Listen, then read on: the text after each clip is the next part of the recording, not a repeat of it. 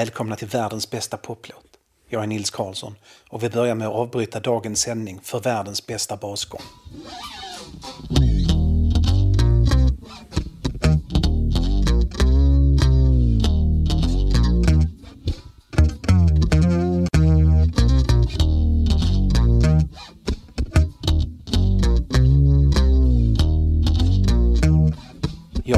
Där är Tony Levins bandlösa men inte handlösa bas på versen på Peter Gabriels Sledgehammer.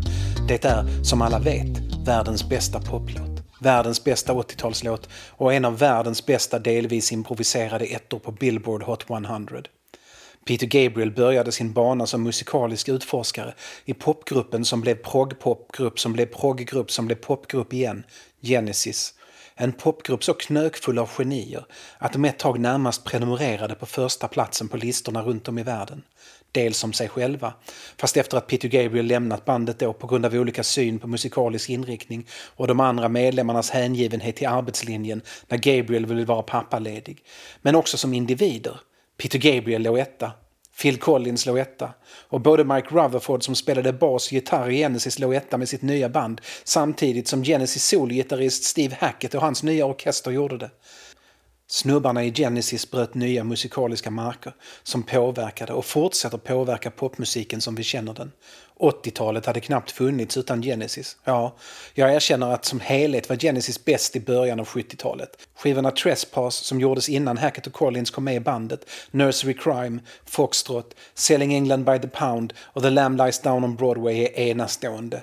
Och även om det är svårt att välja ut en enskild låt från dem som särskilt fantastisk, men herregud jag vill försöka, så låter varenda sekund fantastisk och inte sällan ganska märkligt. Collins må vara en ångestframkallande sångare av erbarmlig tristess som soloartist, men som trumslagare är han oöverträffad. Men hur bra de där skivorna med Peter Gabriel i bandet i början på 70-talet än är, så har de inte påverkat musikutvecklingen i stort lika mycket som Peter Gabriel gjorde som soloartist. Och inte bara musiken, även film. För om jag räknar rätt, och det gör jag nog, så har det sedan 1977 gjorts ungefär åtta filmer som inte har med Gabriels första solosingel Salisbury Hill på sitt soundtrack.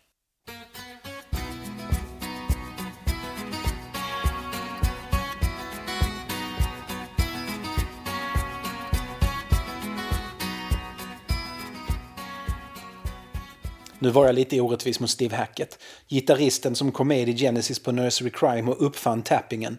Alltså ett sätt att spela solgitarr på som varenda hårdrockare efter det härmat. Utan Hackett ingen Eddie Van Halen. Och utan Van Halen hade hela 80-talets hårdrock bara fått ge upp och gå hem.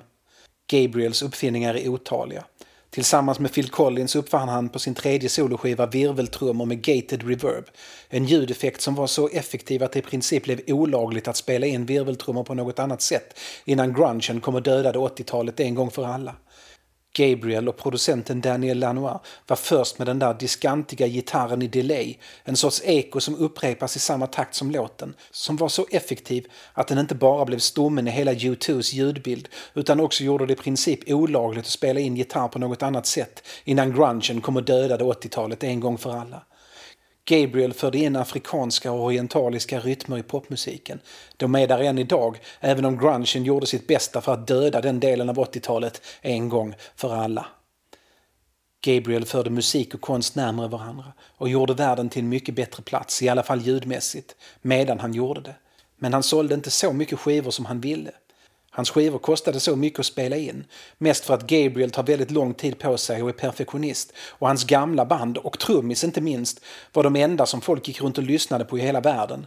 Så i slutet av 1984, eller början av 1985, sa Gabriel att fuck it, jag ska göra den poppigaste popskivan någonsin. Jag ska regera poplistorna och jag ska göra det utan att kompromissa med mina väldigt fina konstnärliga integriteter. Och dessutom ska jag skriva en låt om min snopp. Det kommer gå jättebra. Hopp, snippidi-snopp Här kommer snoppen i full galopp Han som inga brallor har Dinglar med snoppen och rumpan bar Nej, inte den just. Gabriel ansluter sig till den stolta tradition av poptextförfattare som använder sig av subtila dubbeltydigheter och han gör den med äran. Gabriel är smartare än de flesta andra och spelar rollen som dubbeltydighetssångare med återhållsamhet och perfektion. Det är tydligt att han driver med oss, men samtidigt, han låter ju allvarlig. Menar han att hans snopp är som en slägga? Att maskera sexuellt innehåll genom mer eller mindre tydliga omskrivningar är en gammal musikalisk tradition. Dels så gör det annars helt omöjliga låtar spelbara på puritanskt lagda radiostationer och dels så är det ett sätt att kommunicera genom fantasin med sina lyssnare. Plus såklart att ingen skulle vilja höra om hur Led Zeppelins Robert Plants älskade behöver varenda tum av hans kärlek djupt, djupt inne i sig medan han dreglar och använder sig av bakdörren om man inte använder sig av lite poetiska omskrivningar. Då blir det uthärdligt. Led Zeppelin går, ytterst medvetet, ofta precis över gränsen till vad som ens med god vilja kan beskrivas som tvetydighet. Men det är snyggt. Tilltalade mitt tonårsjag. Det var förbjudet men ändå inte. Så pass osubtila var Zeppelin att deras tilltag skapade rock'n'roll undergruppen Cockrock, uppkallad efter Robert Plants tupp, får man anta. Tvetydigheter utan finess faller ofta platt. Texterna haltar och man skruvar på sig obekvämt när de sjungs. Robert Plants pressade citron är på gränsen. Paul Stanley, Kiss huvudsångare och en artist som kompenserar sin obefintliga poetiska förmåga med att vara världens näst bästa kompgitarrist genom tiderna, Put your hand in my pocket, grab a hold of my rocket, lämnar inte ens fantasin åt fantasin. Och det är inte ens hans värsta text. Ingen tror att hans Love Gun handlar om något vapen och den i övrigt inte helt värdelösa Gimme More sabbas helt av Stanleys önskan om att vi ska come on lick my candy cane. För in i helvete Paul, för in i helvete. Din gamla poporkesterkamrat Ace Frehley lyckas i alla fall så lite tvivel i små tonårspojkars hjärnor om att den raket han vill att flickvännen ska take a ride på kanske trots allt är en rymdraket. Ace har en aning mer finess än Paul. Inte mycket, men en del. Världens genom tiderna absolut bästa kompgitarrist och därför också världens bästa gitarrist heter Malcolm Young och spelade i popbandet AC/DC. Ungefär hela deras låtkatalog är en enda lång tvetydighet. På tiden innan deras sångare Bon Scott kräkte ihjäl sig var tvetydigheterna ibland på en fullständigt episk nivå. Aldrig mer så än i Big Balls, som om man skrapar lite på ytan kanske inte alls handlar om baler man dansar på.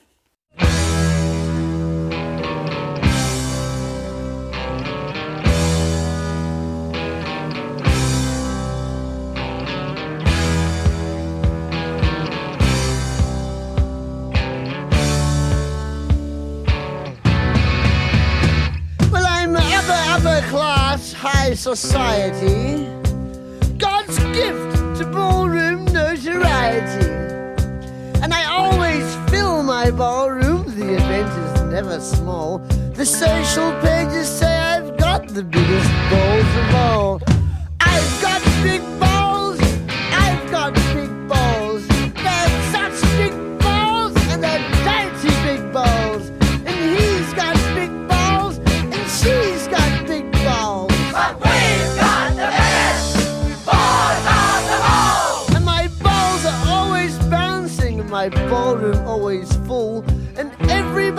comes and comes again.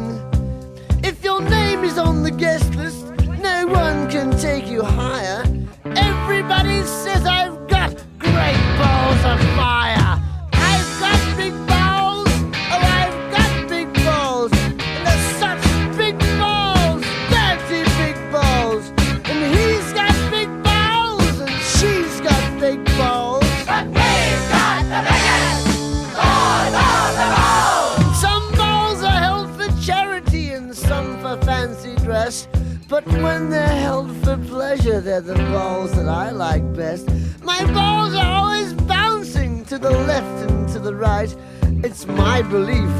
big ball should be held every night.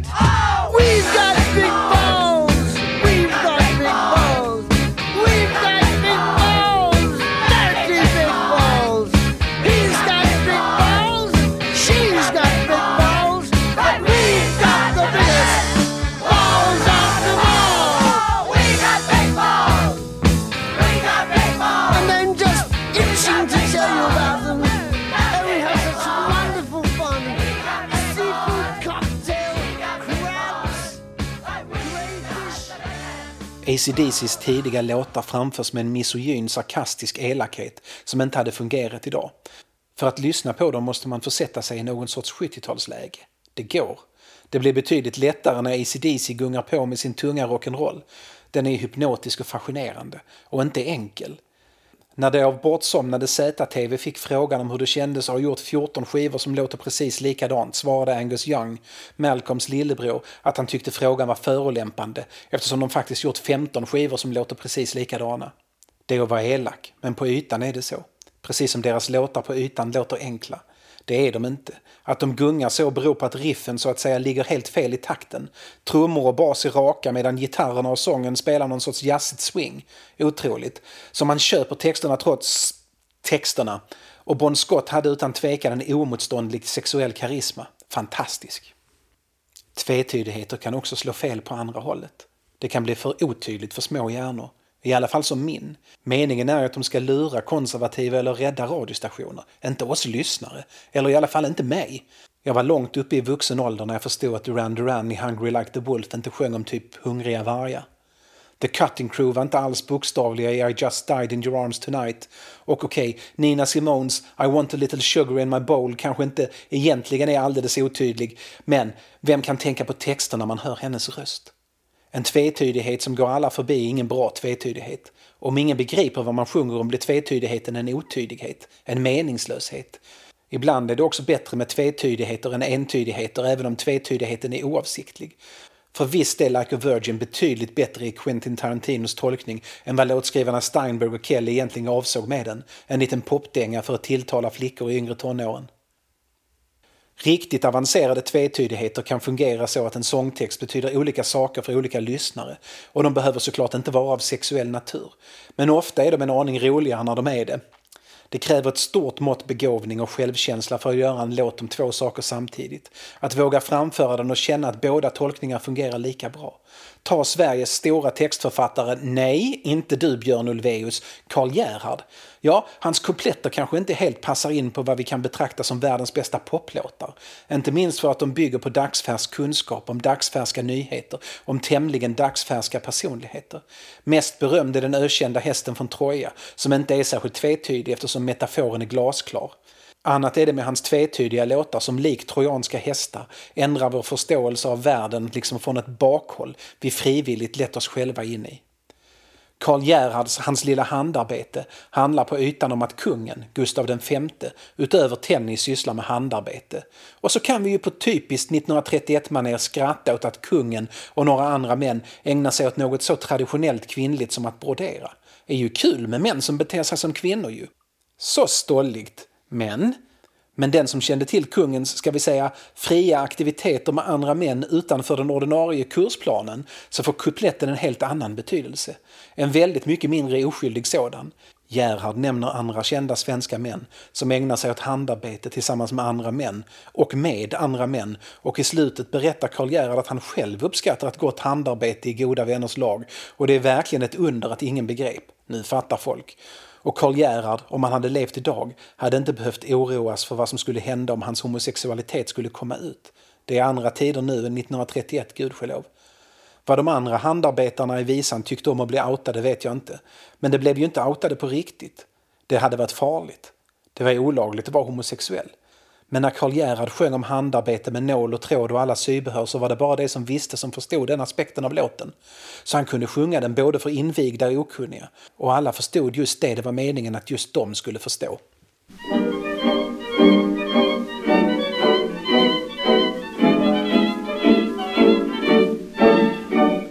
Jag enligt allra högsta mönster lagt mig till med ett broderi och varje ledig stund på dagen jag sömma vill Flitig som ett bi Men jag kan inte uppnå samma skicklighet Som hans majestät.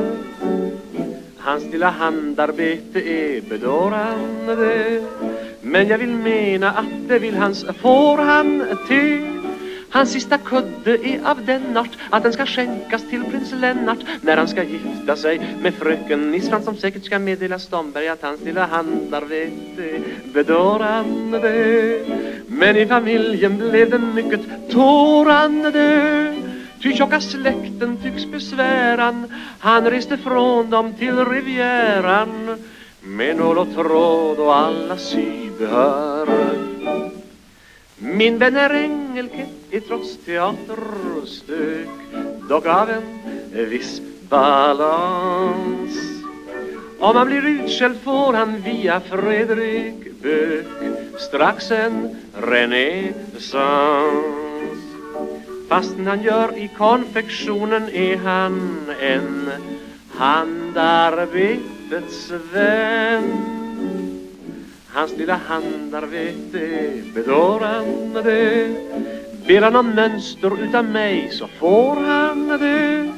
Fast i vår syförening viskas att det lär vara Adolf Niskas. Små broderier han kalkerar Ingen kan virka en sån frans som Atte kan. Hans lilla handarbete bedårande Fast hans finska ryor är försvårande det Hänger de dock i Frans salonger där har han varit många gånger Med nål och tråd och alla sybehör Valdemar Svan är såsom kunglig referent Lindrigt sagt urban.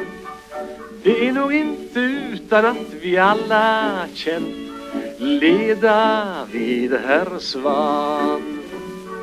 Men det tycks ännu finnas många tanter kvar Som säger Valdemar Hans lilla handarbete bedårande Hela sitt liv han tillbragt korridorande Putsande skor åt höga kretsar i Valenciennes och Bryssels spetsar. En domestik som flitigt knular på små och frivoliteter Ja, han sina handlar vet handarbete bedårande Av mig Marika tycker det är sårande Borde hon ge herr Svan ett gömrum i diktarnas klubb ett litet gumrum med nål och tråd och alla sydhör. På den avancerade nivån arbetar inte Peter Gabriel alls i den stora hyllningslåten till den egna snoppen. Subtilitet är inte hans grej. Tvärtom så är det ren overkill i de mest övertydliga metaforer och omskrivningar man kan tänka sig. Och det är helt oemotståndligt. Så som skivan med Sledgehammer heter är en klar brytning med det tydligt konstnärliga anslaget på de fyra soloskivor som Gabriel gjort sedan han lämnade Genesis. Bara en sån sak som att hans skiva hade namn var en nyhet. Hans första fyra hette helt enkelt Peter Gabriel.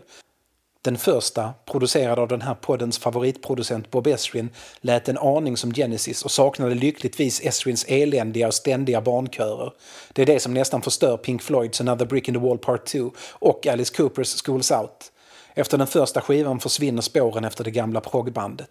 Helt proggbefriat blir såklart inte Gabriel direkt. Han samarbetar med både Phil Collins och framförallt Robert Fripp för att skapa sina skivor. Fripp är en av de första proggrockarna, en original gangster. Han var med och grundade King Crimson tillsammans med bland annat Greg Lake som senare skulle ingå i det proggigaste bandet av alla proggband som någonsin proggat runt, Emerson, Lake and Palmer. Också med i King Crimson var Ian MacDonald som senare lite förvånande skulle starta poporkestern Foreigner och nå stor framgång med den innan han fick sparken och de fick ännu större framgång med I wanna know what love is. Fripp är mer en proggdoldis. King Crimson var stora bland de frälsta men banden som knoppades av King Crimson blev ännu större. ELP, Emerson Lake Palmer och Foreigner fick sällskap av till exempel Asia och GTR det var några år i början av 80-talet som topplistorna dominerades av vuxenrock från gamla proggare. Vuxenrock är inte musikens motsvarighet till vuxenfilm, utan för det mesta något mycket, mycket tråkigare. Men Fripp har lämnat ett mer bestående intryck på musiken än de andra. Inte bara på grund av samarbetet med Peter Gabriel, utan också för att hans minst sagt excentriska gitarrspel utgör stommen på David Bowies Berlin-trilogi och Scary Monsters. Bowie hade alltid gett att omge sig med de bästa musikerna och de som bäst passade hans visioner. När han spelade in sina skivor i Berlin var David Bowie i praktiken ett band bestående av Robert Fripp, David Bowie, Robert Fripp, Brian Eno och Robert Fripp. Den där uthållna höga gitarrtonen som löper genom hela Heroes, Robert Fripp.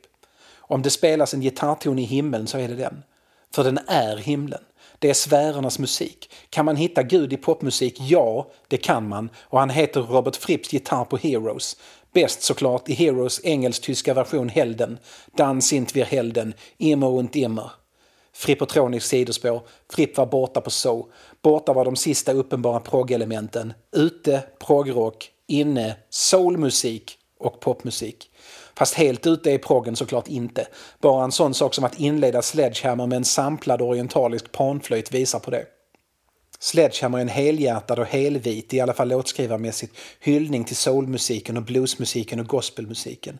Uttalat inspirerad av Otis Redding och komponerad enligt Gabriels recept med rhythm up, rytmen först.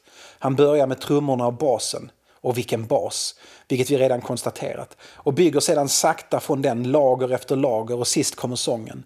Trummorna är en rak, väldigt brittisk, närmast Ringo Starr-grej med samtidiga afrikanska trummor ihopmixade till en fantastisk helhet.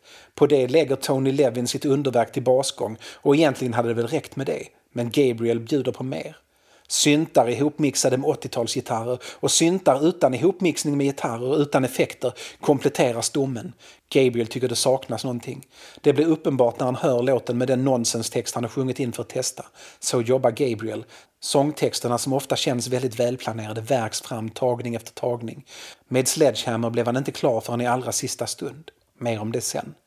Det fattades blåsinstrument. 60-tals soul måste ha en mässingsorkester och det här ska bli den bästa 80-tals 60-talslåten. Nåväl, någon världsklass-soul-blåsorkester finns inte på engelska landsbygden där skivan spelas in eftersom Gabriel inte har råd att hyra en studio i London. Han bygger istället sin egen studio i en lada. Men där finns inte några amerikanska blåsare. Banden musiken är inspelade på är den senaste digitala tekniken. Dessa flygs till New York. Den senaste digitala tekniken funkar inte. Banden är osynkade. Tempot ändras hela tiden. Stereo är två ljudkällor, vänster och höger. Men här spelas vänster och höger olika snabbt. Allt är kaos. Ljudkillen mixtrar med mixern och banden och får det nästan rätt. Blåstutarna tutar och det lilla osynket svänger till det lite extra. Tillbaks med banden till England. Hurra, blåsorkester, dags för sången.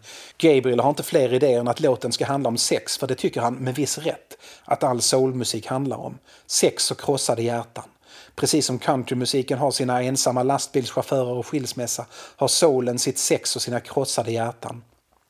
Mycket kan man säga om Genesis och Peter Gabriels sångtexter, men sex har han aldrig lyckats sjunga om på ett sätt som kändes ens nästan sexigt. Vad är det sexigaste som finns? frågade Peter Gabriel sig. Om jag bara knäcker den nöten så kommer låten skriva sig själv. Vad kan vara det sexigaste som finns? frågar sig Gabriel igen. Och plötsligt, som en jättebanan från himlen, så finns svaret där framför honom. Min snopp! Min snopp är det sexigaste som finns. Gabriel skriver så pennorna glöder. Singeln ska släppas snart, deadline närmar sig. En video som ska komma att bli helt banbrytande ska spelas in. Datumen bokade, kalendern är fulltecknad. Och på några minuter lyckas Gabriel sticka en penna i sitt hjärta och blåa ner hela scen. Hans snopp liknas vid en slägga, ett ånglok, en Big Dipper, en radiobil, en geting och allt avlångt du kan tänka dig. Och allt han vill är att komma in i din fruktbur och efter två fantastiskt gungande verser och refränger så är vi utmattade och lämnade där med tanken att Gabriel, ja du får komma in i fruktburen buren hur jävla ofta du vill och en genuin undran om hur fan Peter Gabriels snopp egentligen ser ut. Alla vill vi se knugens kuk, men Gabriel är inte knugen och vi slipper gärna se den. Men två verser och refränger räcker inte. Det normala hade varit att slänga in ett solo eller ett stick och sen avsluta med ett gäng refränger. Men inte Gabriel inte. Vi får ett panflöjtsolo. För att, varför inte liksom? Vi är så förälskade att Gabriel kommer undan med precis vad som helst nu. Och sen är halva låten kvar. Avslutet är nästan lika mycket Gud som Robert Fripps gitarr på Heroes. När de spelade in grunden, trummorna, basen, Gabriel på sin synt och gitarren fastnade musikerna i ett improviserat jam. De hade roligt, de kunde inte sluta, så de bara spelade på. Allt gungade. Allt gungade som bara världen kan gunga av bra popmusik. När Atlas skälver är det inte på grund av att företagare slipper skatt och moral, som nyliberalernas favorit, den språkligt utmanade Ayn Rand, skriver, utan det är när en tight rytmsektion rytmar tillsammans. Tanken var att de skulle tona ut låten. Den skulle landa kring tre minuter. Men när de spelar in sången så kan inte Gabriel sluta lyssna på det där utdragna improviserandet på slutet. Så han sjunger. Ord han finner i stunden. I kick the habit, shed my skin och så vidare. Ibland nonsens, ibland halvsnuskigt. Show for me like I show for you hade kunnat vara oskyldigt om inte hela låten innan hade handlat om hans jättelika slägga till könsorgan. Det här kan vi inte bara tona ut och bort tänker Gabriel och producenten Danny Lanois, när de hör hur Gabriel improviserar över den improviserade musiken. Det är för bra. Gabriel älskar gospel också, inte bara soul. Som religiös sökare och tvivlare hade han tidigare, även som mycket ung ungdom, uppsökt alla religiösa sammanhang som skilde sig från den strikt anglikanska uppfostran han fick hemma och på internatskolan. Tidigt fann han de svarta församlingarna och förälskade sig i deras musiktradition där hela församlingen sjöng. Call and response, rop och svar. Prästen sjunger något religiöst och församlingen, ofta med stöd av en kör, svarar med samma religiösa något, till svängig musik. Man behöver inte kunna texten eftersom prästen sjunger före. Det hade ju kunnat funka på Sledgehammer, bestämmer sig Gabriel för. Dessvärre har han ingen gospelkör på plats i ladan där han improviserade. Det fanns inte ens en rimlig gospelkör i närheten av ladan. Som kör hyrs in från London, eller kör och kör. Tre kvinnor som får sjunga flera gånger och dubbleras i studion. De svarar på det Gabriel sjungit flera veckor tidigare och det låter verkligen som de var där och då det hände. Med en studiomagi värde The Beatles George Martin flätas inspelningarna gjorda under mer än sex månader ihop till fem minuters popmusik som låter som om den improviserats fram på plats. Illusionen av en ögonblicksbild är fullständig. Men det vi hör är Peter Gabriels långsamma och ytterst metodiska arbete för att skapa en så svart poplåt som en väldigt vit brittisk överklasskille kan uppbåda. Jag borde sluta här. Fruktburen är öppen. Varenda fiber i min kropp längtar efter panflöjten följt av det där underbara blåsriffet som för oss ner i det kosmiskt magiska groovet och upp i himlen. Jag borde verkligen sluta här. Inte prata om musikvideon.